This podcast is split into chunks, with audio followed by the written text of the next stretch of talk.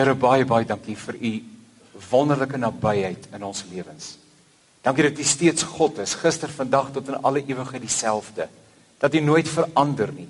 Dat u steeds in staat is om buitengewone dinge te doen.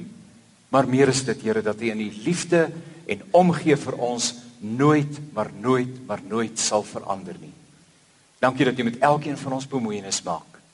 Dankie Here dat U self uitstrek na ons toe in al U genade en guns en omgee en liefdesbetoning. Ons kom voor U met ons nood, ons kom voor U met ons met ons wêreld, met ons gedagtes, met ons menswees. En ook in hierdie paar oomblikke wanneer ons die woord gaan oordink en wanneer ons U gaan loof en prys, bid ons dat U verhelderend sal werk deur die Heilige Gees en dat U iets nuut in ons lewe tot stand sal bring. En ons sal U daarvoor eer en prys en loof in Jesus se naam. Amen. Ons gaan die Here loof en prys en ons gaan sy naam groot maak en dan gaan ons drie baie baie bekende liedere sing. Kom loof die Here, alle knegte van die Heer en daarna het ons miskien nodig om vanoggend vir onsself in hierdie de mekaar wêreld te kom herinner. My paas die koning, ons paas die koning van die hele heelal, nie waar nie. En dan hy leef. Hy's op die troon en solank as wat hy op die troon is, het ons niks om te vrees nie. Kom loof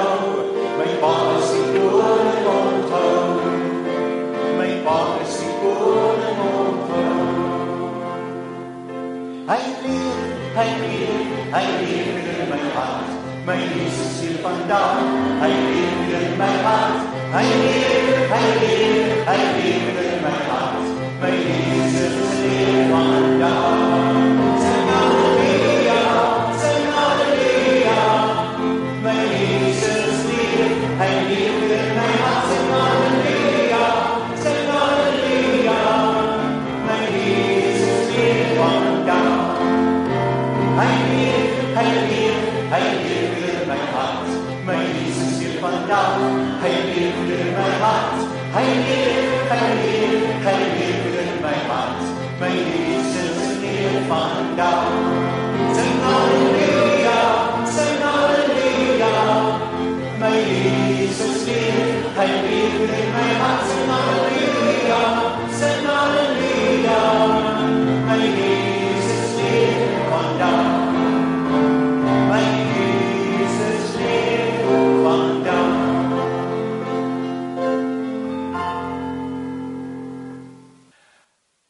Baie graag saam met u lees uit Jesaja die 52ste hoofstuk. Jesaja die 52ste hoofstuk en ons gaan 'n paar verse uit daardie gedeelte uit lees. Here baie dankie dat u u woord nou vir ons oopmaak deur die kragvolle werking van die Heilige Gees. Help ons om iets daarvan te verstaan en help ons ook om dit in ons lewens te integreer en gehoorsaam te wees in Jesus se naam. Amen. Jesaja 52 word wakker. Word wakker. Ruk jou reg, Sion. Word wakker. Word wakker. Ruk jou reg, Sion. Trek mooi klere aan, Jerusalem heilige stad. Mense wat nie besny is nie en mense wat onrein is, is sal nie meer in jou kom nie. Skud die stof van jou af en staan op Jerusalem, jy wat 'n gevangene is. Maak los die toue om jou nek, Sion, jy wat 'n gevangene is. So sê die Here, ek het julle verkoop, maar nie vir geld nie. Julle sal losgekoop word, maar nie deur geld nie. 'n Bietjie verder Hoe wonderlik klink op die berge die voetstappe van hom wat die goeie boodskap bring, wat vrede aankondig, wat die goeie tyding bring, wat redding aankondig, wat vir Sion sê, jou God is koning. Hoor jou wagte roep hard. Hulle jubel almal saam want hulle sien dat die Here na Sion toe terugkom. Jubel en juig puinhope van Jerusalem want die Here het vir sy volk uitkoms gebring. Hy het Jerusalem verlos. Die Here het sy heiligheid, sy mag geopenbaar voor die oë van al die nasies. Tot aan die uithoeke van die aarde sal julle die redding sien wat ons God bewerk het. Gee pad. Gee pad. Kom uit uit Babel. Moenie aan iets raak wat onrein is nie. Kom uit daar. Sorg dat jy rein is, julle wat die tempelgereedskap dra. Jy hoef nie hastig pad te gee nie. Jy hoef nie soos vlugtelinge te vertrek nie. Die Here gaan voor julle uit. Die God van Israel kom agter julle aan. Word wakker. Word wakker. Skud die stof van jou af. Staan op. Maak los die toue om jou nek. En so gaan die gedeelte voort, aangrypende gedeelte. U kan gerus die hele gedeelte gaan lees daar van hoofstuk 49 af tot en met hoofstuk 55 eh, waar dit gaan oor die verlossing, die nuwe ding wat die Here sê hy in die lewe van sy volk wil wil kom doen. Nou, u is baie baie bekend en baie bewus met die agtergrond van hierdie gedeelte en ek herhaal dit net weer kortliks ten spyte van God se herhaalde uh vermaanings en waarskuwings dat daar 'n dag kan kom in die lewe van sy volk dat die ondenkbare met hulle kan gebeur, naamlik dat alles wat vir hulle kosbaar is, hulle dit kan verloor en weggevoer kan word as slawe en as gevangenes na 'n vreemde plek toe Ten spyte van al die waarskuwings het die volk van die Here volhard in sonde, in ongeregtigheid, in onverskilligheid, in onbarmhartigheid, in afgoderry, in dronkenskap en 'n klomp goeders wat daarmee gepaard gegaan het. Jy kan jou eintlik nie indink net dat kinders van die Here so kan veragter in die genade nie. Dit moet ons altyd weer tot eh, 'n uh, stukkie nugterheid dwing. Uh dat ons moet besef dat ons onsself voortdurend deur die Gees moet laat lei. Hierdie is die kinders van God. Ons praat nie met 'n klomp heidene nie. Dis nie 'n klomp mense wat niks van God geweet het wat nou skielik weggevoer word nie. Dis die eiendomsvolk van God. Dis die verbondsvolk met wie die verbondsgod 'n ooreenkoms gehad het waar volgens hy gesê het ek wil vir julle sorg. En deur al die jare het hulle sy genade hand in beweging gesien. Van toen ter tyd af toe hulle toe God hulle uit Egipte gebring het was dit die een wonder op die volgende wonder tot hulle uiteindelik die beloofde land in besit geneem het. In stede wat hulle nie gebou het nie en en landerye wat hulle bewerk het hulle deel geword het. En des nie teenstaande Telke male het die volk van die Here en iets daarvan is eintlik seker maar nog by onsself ook te bespeur dat 'n mens altyd weer op 'n manier dreig om te verval en terug te val. Dis asof die volk van die Here daai DNA van slawerny nie kan afskud nie. Want dis mos wat die Here vir hulle gaan haal het in Egipte. In 480 jaar was hulle gewoond geweest om hulle self te onderwerp aan die heerskappy van 'n goddelose mag. Dis eintlik maar net 'n metafoor vir ons eie lewe in sonde.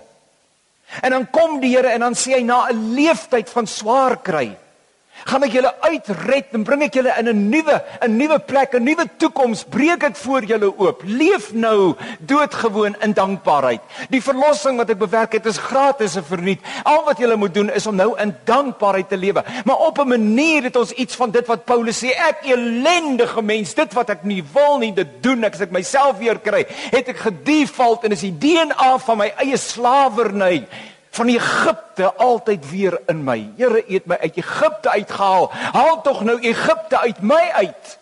Want op 'n manier wil Egipte homself altyd weer aan my opdring en hier sit die kinders van die Here in die vreemde. 70 jaar van ballingskap en daar's nie uitkoms nie. Die Here sê julle sal die 70 jaar deursien. Beywer julle vir die stad, werk saam, werk die omgewing en koop die oomblik uit en maak daar 'n verskil wat ek vir julle geplant het. Ai, die volk van die Here, jy kan dit self dink dat hierdie gevoel van van totale vervreemding, ons noem dit ballingskap, dis waar hulle is. Ballingskap. En dit gaan vandag oor ballingskapsmense. En dit gaan oor ballingskapservarings. En dit gaan oor dit wat God in die lewe van ballingskapsmense tot stand wil bring. Ballingskap beteken dat die volk van die Here met mag weggevat is uit dit wat vir hulle bekend was, hulle konteks, hulle sekuriteite, weg van God, vervreem van God op 'n sekere manier. In die vreemde, in 'n vreemde kultuur bevind hulle self. Die Engelse woord sê dit beter, they in captivity, they are captives. Hulle is gevangenes. Hulle is in 'n gevangenis. In die gevangenis se naam is Babel, Babilonië. Alles wat kosbaar is is weggevoer, die tempel is verwoes, die stadsmure is omgegooi, alles is verbrand, die roem van die volk is weggevoer. En hier sit hulle in die vreemde en u kan jouself indink, nou worstel hulle met 'n groot klomp gevoelens. Gevoelens van mislukking, gevoelens van agterdog teenoor God, gevoelens van hartseer, van pyn, van teleurstelling, 'n worsteling met hulle self, 'n worsteling met die lewe, 'n worsteling met hulle konteks, 'n worsteling met die toekoms. Waarheen is ons op pad? Is daar nog vir ons 'n toekoms? Is dit u kapot? Is dit verby? Spreek hierdie omstandighede dan nou ten einde laaste. Ons was daarvoor verantwoordelik, maar spreek hierdie ballingskap, hierdie negatiewe ervaring spreek dit dan nou die laaste woord in my lewe? Is dit nou alles maar alles verby? Gevoelens van totale totale desperaat en een van die vernaamste vrae wat hulle vra is: Waar is God as ons swaar kry? Dis die vraag waarmee gelowiges hulle self besig hou sedert die begin van die skepping.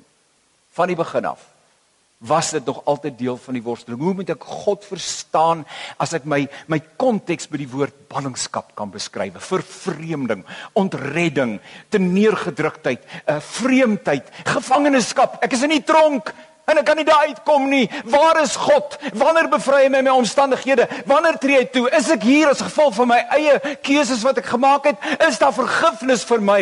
Is daar 'n pad uit hierdie onmoontlike omstandighede? Ek is in ballingskap. Wie my is daar vir my en vir my mense en vir my gesin en vir my noem maar op. Is daar nog vir ons 'n toekoms?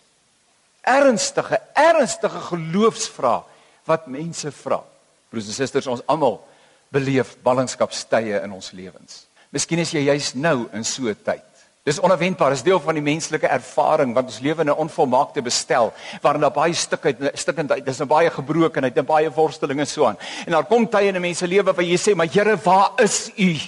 Is dit my eie doen en late en as dit dan nou is, wat maak ek daarmee? Is ek afgeskryf vir die res van my lewe? Kan daar weer 'n nuwe toekoms wees? Kan ek weer opstaan? Sal die son weer vir my opgaan? Kan ek uit hierdie graf bestaan opstaan?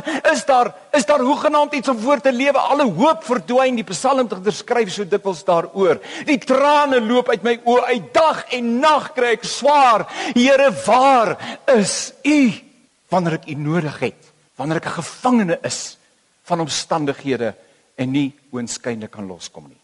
Hyselfde vra. En dan's daar een groot vraag waaroor ek die afgelope paar dae oor en oor gedink het. Here, kan ek dit weer met U waag? Kan ek dit weer met U waag? Want die teleurstelling is baie keer so groot dat ek gebid het en oënskynlik het U my nie gehoor nie. Ernstige geloofsvraag. En nou kom die Here na sy volk toe en hy sê ek gaan 'n nuwe ding doen. Ten spyte daarvan dat julle dit nie verdien nie. Ten spyte daarvan dat dit die keuses is wat julle gemaak het, wat julle nou in hierdie vervreemding, maar ek is 'n barmhartige God en ek is genadig en ek is vol van ontferming en ek is lankmoedig. Ek sal julle nooit prys gee nie. Hoe kan 'n ma sy kinders prys gee? Nee, ek het julle lief met 'n liefde wat ek nie eens kan beskryf nie, 'n passie. Ten spyte van hierdie omstandighede gaan ek na julle uitreik en ek gaan weer 'n nuwe en 'n splinter nuwe ding in julle lewens kom doen. Ek gaan 'n stuk wonderwerk in julle tot stand bring. Ek gaan julle bevry. Dis die woorde van die profeet Jesaja en ander profete. Ek gaan 'n nuwe toekoms. In in die vorige hoofstuk sal jy sien hy het vir Kores al reeds geroep. Kores, hy gaan die Babiloniese uh juk gaan hy afgooi en Kores het 'n nuwe buitelandse beleid. Die volk gaan terug na hulle eie land toe. Maar nou sit die volk daar en dink, kan ons dit glo? Gaan God dit regtig doen? Daar's 'n klomp goeders waarmee hulle worstel. Vra wat by hulle op opwel waarmee hulle worstel. En in die eerste plek is en so aan, maar Here, ons wag al so lank. Ons bid al so lank. Wanneer gaan U toetree? En as ek nou hierdie paar verse, hierdie hierdie gedeelte gaan lees as jy by die huis gaan lees en sien u hoe dat hierdie aksente onderstreep word. En die eerste ding wat die Here sê is maar my tyd is nie hele tyd nie. Op 'n tyd wat ek goed vind, sal ek julle gebede verhoor. Jy mag dan sê, jy mag sê ek ek bid al so lank vir hierdie vreemdelingskap, hierdie ballingskap waarin ek myself belewe. Wanneer gaan die Here toetree? Die Here sê op die regte tyd. Ons het nodig om geduld te hê. Ons het nodig om te wag op die Here. In stil wees en vertroue, dis waar ons redding lê. Geloof is om te vertrou, geloof is om vas te hou. Geloof is om te weet hy hou my vas. Al vat dit lank. Al breek die verlossing nie onmiddellik deur nie. Al verstaan ek nie. Josef 13 jaar se opleiding. 13 jaar vandat die Here hom die eerste keer geroep het tot hy uiteindelik uh op die troon of dan in daai heersersposisie in Egipte beland. Maar daar was daar was 'n tydperk gewees waarin God in sy lewe moes inbou. Jy het nodig om te wag totdat God sê die tyd het aangebreek. Maar Here het ons vergeet. Is die volgende ding wat die volk sê. Ek dink dit ons vergeet. Ek dink hy het hy so vir ons gestrip by wyse van spreuke dat hy ons net eenvoudig afgeskryf het. En ons roep en ons Here het hy ons vergeet hoor wat sê die Here? Die Here sê kan 'n vrou haar baba vergeet en dan nie ontferm oor die kind wat sy in die lewe gebring het nie? Selfs al sou dit moontlik wees vir 'n vrou om so iets te doen, vir 'n ma om haar rug op haar kind te draai. Dis ondenkbaar, maar selfs al sou dit moontlik wees, sê die Here, ek sal jou nie vergeet nie. Jy weet vandag in ballingskap is soos die volk van die Here met ernstige vrae worstel. Die Here sê, ek het jou nie vergeet nie. Ek sal jou ook nie vergeet nie. Maar Here, kyk hoe lyk dit? Dis chaos. Ek wil alles is vernietig as hy verwys hierdie gedeeltes daar na Jerusalem, dan praat hy van dis puinhope en ruïnes. Dis bloedvergieting en hongersnood. Here, alles dis so desperaat in my lewe. Ek dink nie u kan enigiets meer uit hierdie gemors uit na vore bring nie. Is dit hoegenaamd moontlik dat u hierdie gebrokenheid weer kan herstel? Dit het so stikkend geword. Ons het so ver uit mekaar uitgedrywe. Ons het so van mekaar vervreemd geraak. Ons het so maak nou nie saak nie. Dis al so lank is dit moontlik. Kyk hoe lyk dit, Here, kan u nog hierdie omstandighede omkeer? Die Here sê almag dit 'n totale puinhoop in 'n ruïne wees. Ek gaan hierdie plek so herstel sê die Here dat daar nie eers plek vir jou kinders gaan wees nie. En dit spreek nou van Jerusalem en die mense wat vanuit die noorde en die suide en die weste van alle windrigtinge gaan hulle terugkom. En dan gaan soveel van hulle terugkom. Dan gaan nie plek wees nie. Mense gaan sê maak groter die tentdoeke. Span hulle weier want daar's nie plek vir ons nie. Ons kom terug na die belofte van die Here toe. Die Here sê dis nie so stikkend jou lewe dat ek nie iets dan kan doen nie. Daar's die lewe aan die ander kant van jou gevangenskap en van jou gebrokenheid. Ja, maar dis nou goed en wel vir om so te sê, maar Here, daai Babiloniërs gaan ons mos nie laat gaan nie.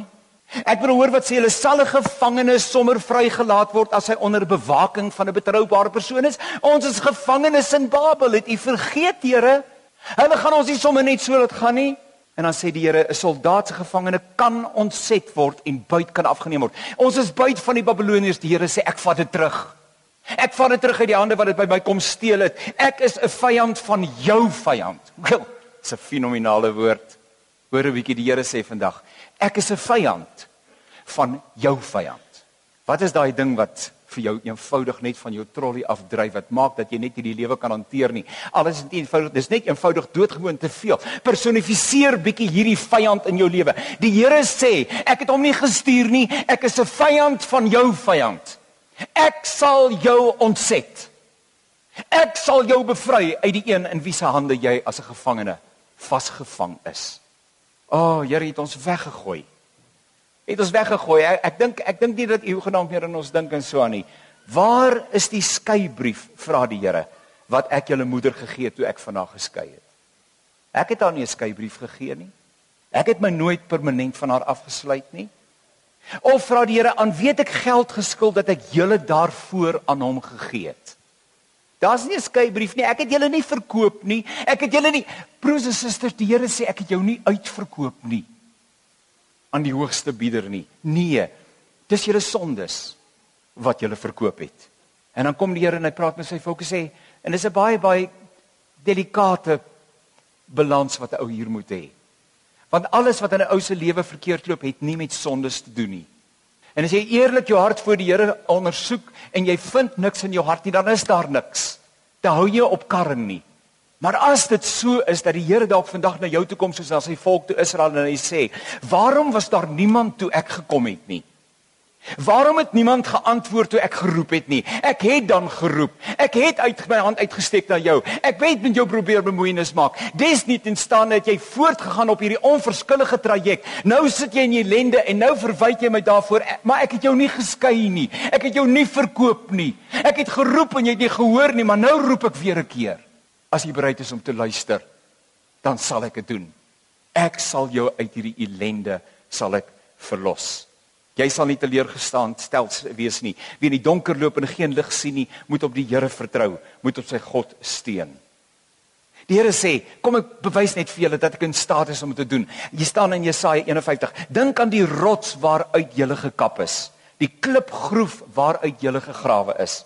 En dan verwys hy na Abraham en dan sê hy Abraham en Sara was kinderloos. Dit beteken doodgewoon, hulle was nie in staat nie, dit was onmoontlik op daai ouderdom van hulle lewe, was dit nie meer moontlik vir hulle om 'n nakroos te hê nie. Wat nog 'n belofte wat sê so so so talryk soos die sterre aan die hemel. Weet jy wat ek vir Abraham en Sara gedoen het? Ek is nog dieselfde God. Ek is in staat om die onmoontlike in jou lewe uh, tot stand te bring. Daar is niks wat ek nie kan doen nie. So so hier het ons met ander woorde aan die een kant die volk in ballingskap, in vervreemding, in gevangenskap, in die tronk Is jy ook vandag daar? Hier kom ons met die belofte van God en hy sê ek gaan 'n fenominale ding doen. Ek het na al jou argumente geluister, maar ek het jou nie vergeet nie. Ek het nie my rug op jou gedraai nie. Ek het jou nie geskei nie. Ek het jou nie verkoop nie. En ek is in staat om meer te doen as wat jy bid of dink. Ek maak 'n nuwe begin met jou. En nou sit ek en ek wag en ek wag en die Here sê nou is dit tyd dat jy iets doen. Jy moet opstaan. Jy moet opstaan in hierdie belofte. Jy moet dit aangryp. Jy moet dit om geld. Alles is beskikbaar. Ek skenk dit vir jou, my woord, my gees, my beloftes, die bewyse uit my woord uit, jou geloofservarings van die verlede, maar jy is nou in die gevangenis en jy moet daar uitkom. En die enigste manier wat jy daar uitkom is jy gaan daar uitstap.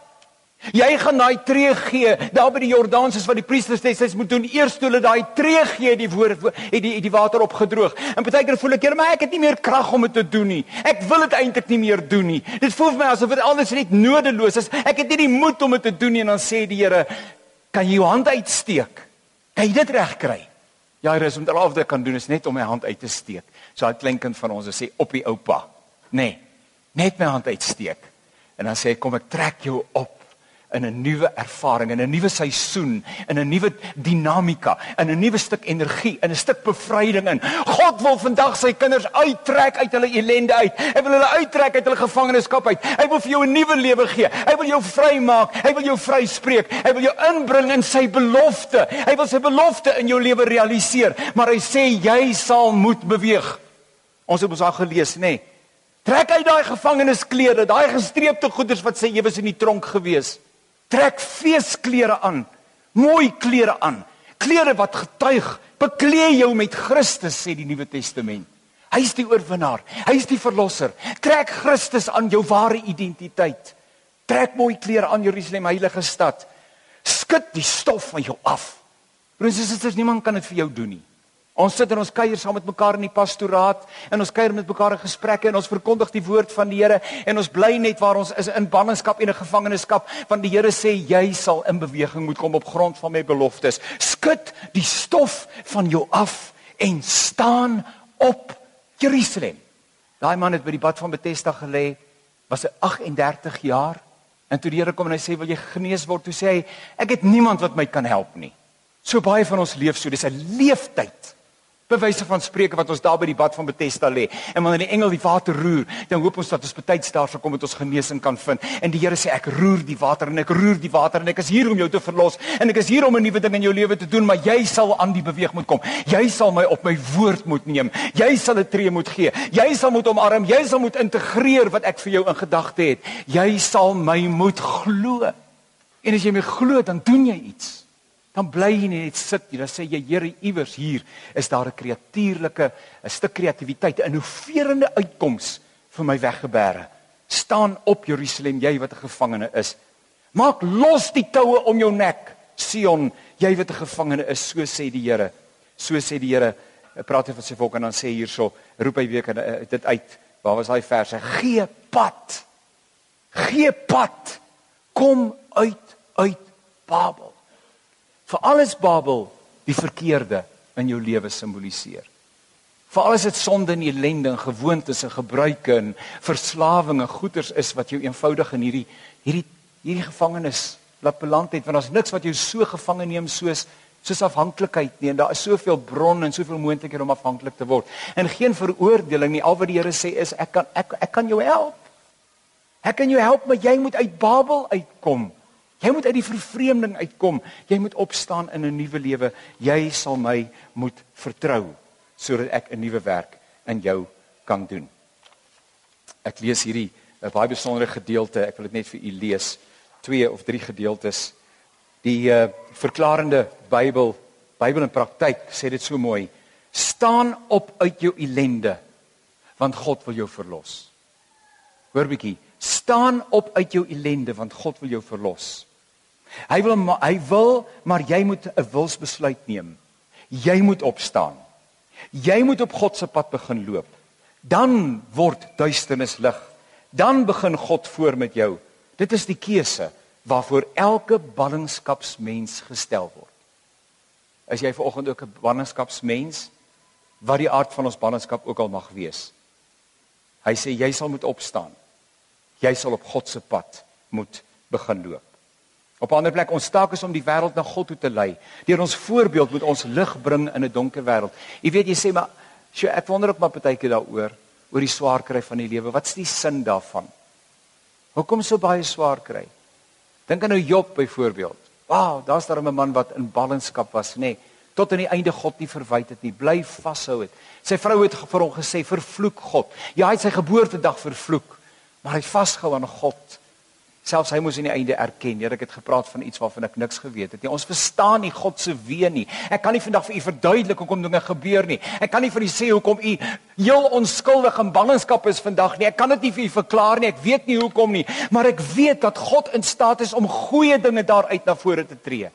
Vir hulle wat hom liefhet, werk alles ten goeie mee. Op die ou einde gaan die Here daai seer kry in jou lewe vat en hy gaan dit binne in jou hand sit en hy gaan sê, "Gaan praat nou vir ander mense wat stikkend is, moed in."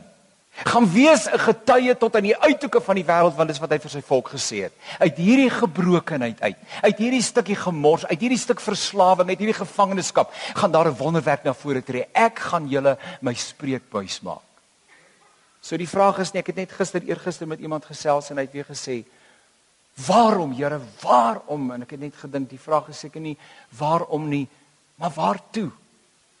Hoe gaan die Here hierdie stuk gebrokenheid in my lewe gebruik? om vir iemand anders iets te doen. Jy sien, wat dan gebeur is dat dit wat die duiwel vir ons geprogrammeer het vir ons verval en ons verleentheid. Hy het gedink hy het vir Josef het hy daar in die tronk. Hy het gedink hy het vir Josef daar in Potifar se huis. Hy het gedink hy het vir Josef daar in die gat. Telke male die duiwel gedink die triomf, die triomf, die oorwinning is behaal. Maar God het 'n groter doel gehad. Josef het in die gat gesit. Hy sê: "Here, hoekom sit ek hier? Ek is 'n kind. Wat maak ek hier? Ek is 'n gevangene vir jare en jare. Hulle vergeet my in hierdie gat," so sê hy vir daai ou wanneer hy vir hom na die koning toe stuur. Ek sit in hierdie gat en ek het niks gedoen nie. Waarom Here? Nee, die Here sê nie waarom nie. Hy sê waartoe tot op die dag dat die Here vir Josef daar gaan uithaal en herstel en vir hom aanstel om die volk te voed en dan sê hy nou verstaan ek Here. Waar toe? Het jy al begin vra wat moet jy met jou pyn en jou verleentheid doen? Het jy al gevra hoe wil die Here jou gebruik? Hoe wil hy jou tot in die uithoeke van die wêreld jou getuienis skryf dit, vertel dit, SMS te doen iets daarmee, maar vertel vir mense van jou gevangenskap, want anders het dit nie sin nie. Om in jou gevangenskap te bly sit en daarvan weg te stap, selfs bevry te wees en niks daarmee te doen nie, beteken dit het geen sin gehad nie. Maar as ek kan sê my huwelik het uitmekaar uitgeval. Die Here weet alleen ek het nie gedink daar's moontlikhede nie. En toe kom hy op sy eie wonderlike manier en hy kom herstel ons en hy kom bring ons in die beloofde land en ek wil net vir julle wat nou sukkel en vir julle wat sukkel vir julle sukkel ek net sê, daar is uitkoms. Ek het die werk gehad en ek het gedink daar sal nooit weer 'n inkomste wees. Ek het al my selfvertroue verloor. My menswaardigheid was daarmee heen. Ek het nie meer geweet wie ek is nie. Ek kon nie praat van identiteit nie. Noem maar op en so aan en die die Here het voorsien dat 'n werk wonderbaarlik gekom. Ek wil net vir jou wat die werk het nie wil ek sê, die Here sal jou nie los nie. En so een na die ander van hierdie ballingskapservarings kry sin en betekenis wanneer ons die Here daarmee vertrou. Ons gebrokenheid, broers en susters, is nie verniet nie. Maar ons sal die tree moet gee. Ek weet nou nie waar ek dit geskryf het nie, maak ook nie saak nie. Ek lees gister ten slotte in die beeld 'n berig wat geskryf word deur Dominee Johan Kriege. Hy's 'n man wat 16, 17 jaar gelede 'n uh, mes begin het. Dis daai middestad uitreik wat daar in Johannesburg is. En hoe die Here hom geroep het uit 'n konteks uit. Hy was in sy eie ballingskap op daai stadium. As die Here vir hom gesê het ek gaan jou onder hierdie mense gebruik, meestal mense wat nie jou taal praat nie, wat nie jou kleur is nie ensovoorts. Hy sê dan sou hy dit nooit geglo het en hy sou dit ook nooit gedoen het nie want hy was in sy eie ballingskap. Hoeveel mense in Suid-Afrika is in ballingskap wat dit betref? Selfopgelegde ballingskap. Ek sal nie hier uittreë nie. Ek sal net hierdie gevangenskap uitkom en ander mense gaan encounter en hulle beter leer ken nie. En dan kom die Here en dan roep hy vir Johan vanuit 'n studentebediening En hy plaas hom daar in die middestad van Johannesburg en hy begin werk met ander mense en dan sê hy die grootste les wat ek geleer het is en die moeilikste ding wat ek wat ek moes doen was om my voet oor daai grens te sit. Hoeveel van u vanoggend sit hier En hy hoor al hierdie dinge en hy sê ek hoor die woord van die Here en ek weet weet hy's in staat en hy het nie sy rug op my gedraai nie. Hy gaan 'n nuwe begin met my maak en hy sê hy wil 'n nuwe begin met my maak en hy verwyd my en hy druk sy vinger in my oog nie en hy kom na my met soveel genade en hy's in staat om die onmoontlike te doen en die Here sê ek wil 'n nuwe ding in jou lewe doen. Gee die tree, vertrou my. Soveel van u moet ook dit vanoggend doen. Oor daai grens, oor daai oor daai barrier in jou eie gees en gemoed kom.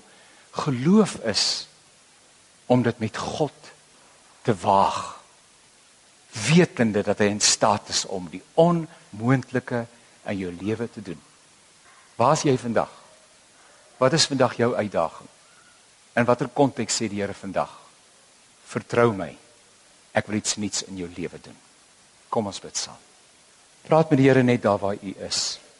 Jy weet as ek daai tree gegee het en as ek sê Here ek gaan daai tree gee, dan gaan ek terug na die stikkendheid Ek vlug nie daarvan weg nie. Ek gaan terug na my eie gebrokenheid en ek gaan los dit op. Ek gaan spreek dit aan. Ek gaan soek vergifnis ook van ander. Ek verbind my by vernuwing aan hulle in geloof en in vertroue. Ek steek my hand uit die mou uit. Ek bel. Ek ry. Ek doen. Ek doen wat God my roep om te doen sodat ek heel kan word en die nuwe ding kan omarm. Wat is dit wat die Here jou vandag roep om te gaan doen? Here baie dankie vir die wonderlike woord. Ag ek wil my verstout om te sê as ons as ons 'n uh, 1000 mense is, 2000 mense is, 50000 mense is wat luister na hierdie uitsending en deel dit aan hierdie erediens, dan is ons waarskynlik ook 50000 mense wat in ballingskap verkeer in ons eie persoonlike kontekste, maar ook in ons eie land en in hierdie wêreld voel dit vir ons soms asof ons vreemdelinge geword het, asof ons gevangenes is van omstandighede. Ons is ons het slawe geword in ons eie kontekste. Ons vryhede is van ons weggeneem want ons het dit prys gegee. Ons het onsself op 'n manier ballingskap op die hals gehaal. Here, ons wil vorentoe beweeg in daai nuwe ding wat U wil doen. Ons wil U vertrou. U is betroubaar. U is in staat. U het meermale wonderwerke gedoen in die lewens van u kinders. Hierdie sal ook nie die eerste wonderwerk wees wat u in my lewe doen of in die lewe van enige van die mense wat vandag luister en u vertrou nie. Is so Here in die geloof in die magtige naam van Jesus. So het Petrus en Johannes daar by die tempel by die mooi poort gestaan en vir daai lamman gesê: "In die naam van Jesus van Nasaret, staan op." en loop. En in daai oomblik het sy knieë en sy enkels en sy bene sterk geword, het hulle hulle hand uitgesteek en hom opgehelp en het hy begin om God te loof en te prys. Here, in die magtige naam van Jesus, staan ons op in die nuwe ding wat in ons lewens kom doen. Dankie dat U ons vrymaak. Ons eer U daarvoor in Jesus se naam. Amen.